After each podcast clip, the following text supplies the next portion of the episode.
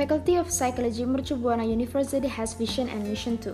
Vision Faculty of Psychology is becoming a superior faculty of psychology, professional and leading in Indonesia in the management of psychology study programs to meet the needs of the industry, the wider community and global insight in 2024.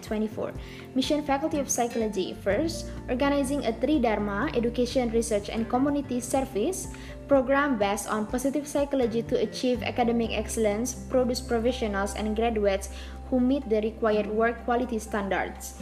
Second, implement effective and efficient higher education management and develop a network of cooperation with industry and partnership sustainable in response to change in flows and global competitiveness. Third, developing competencies and developing entrepreneurial spirit, professionals, ethics, and positive psychology fellows for students and staff who contribute positively to improving the quality of life.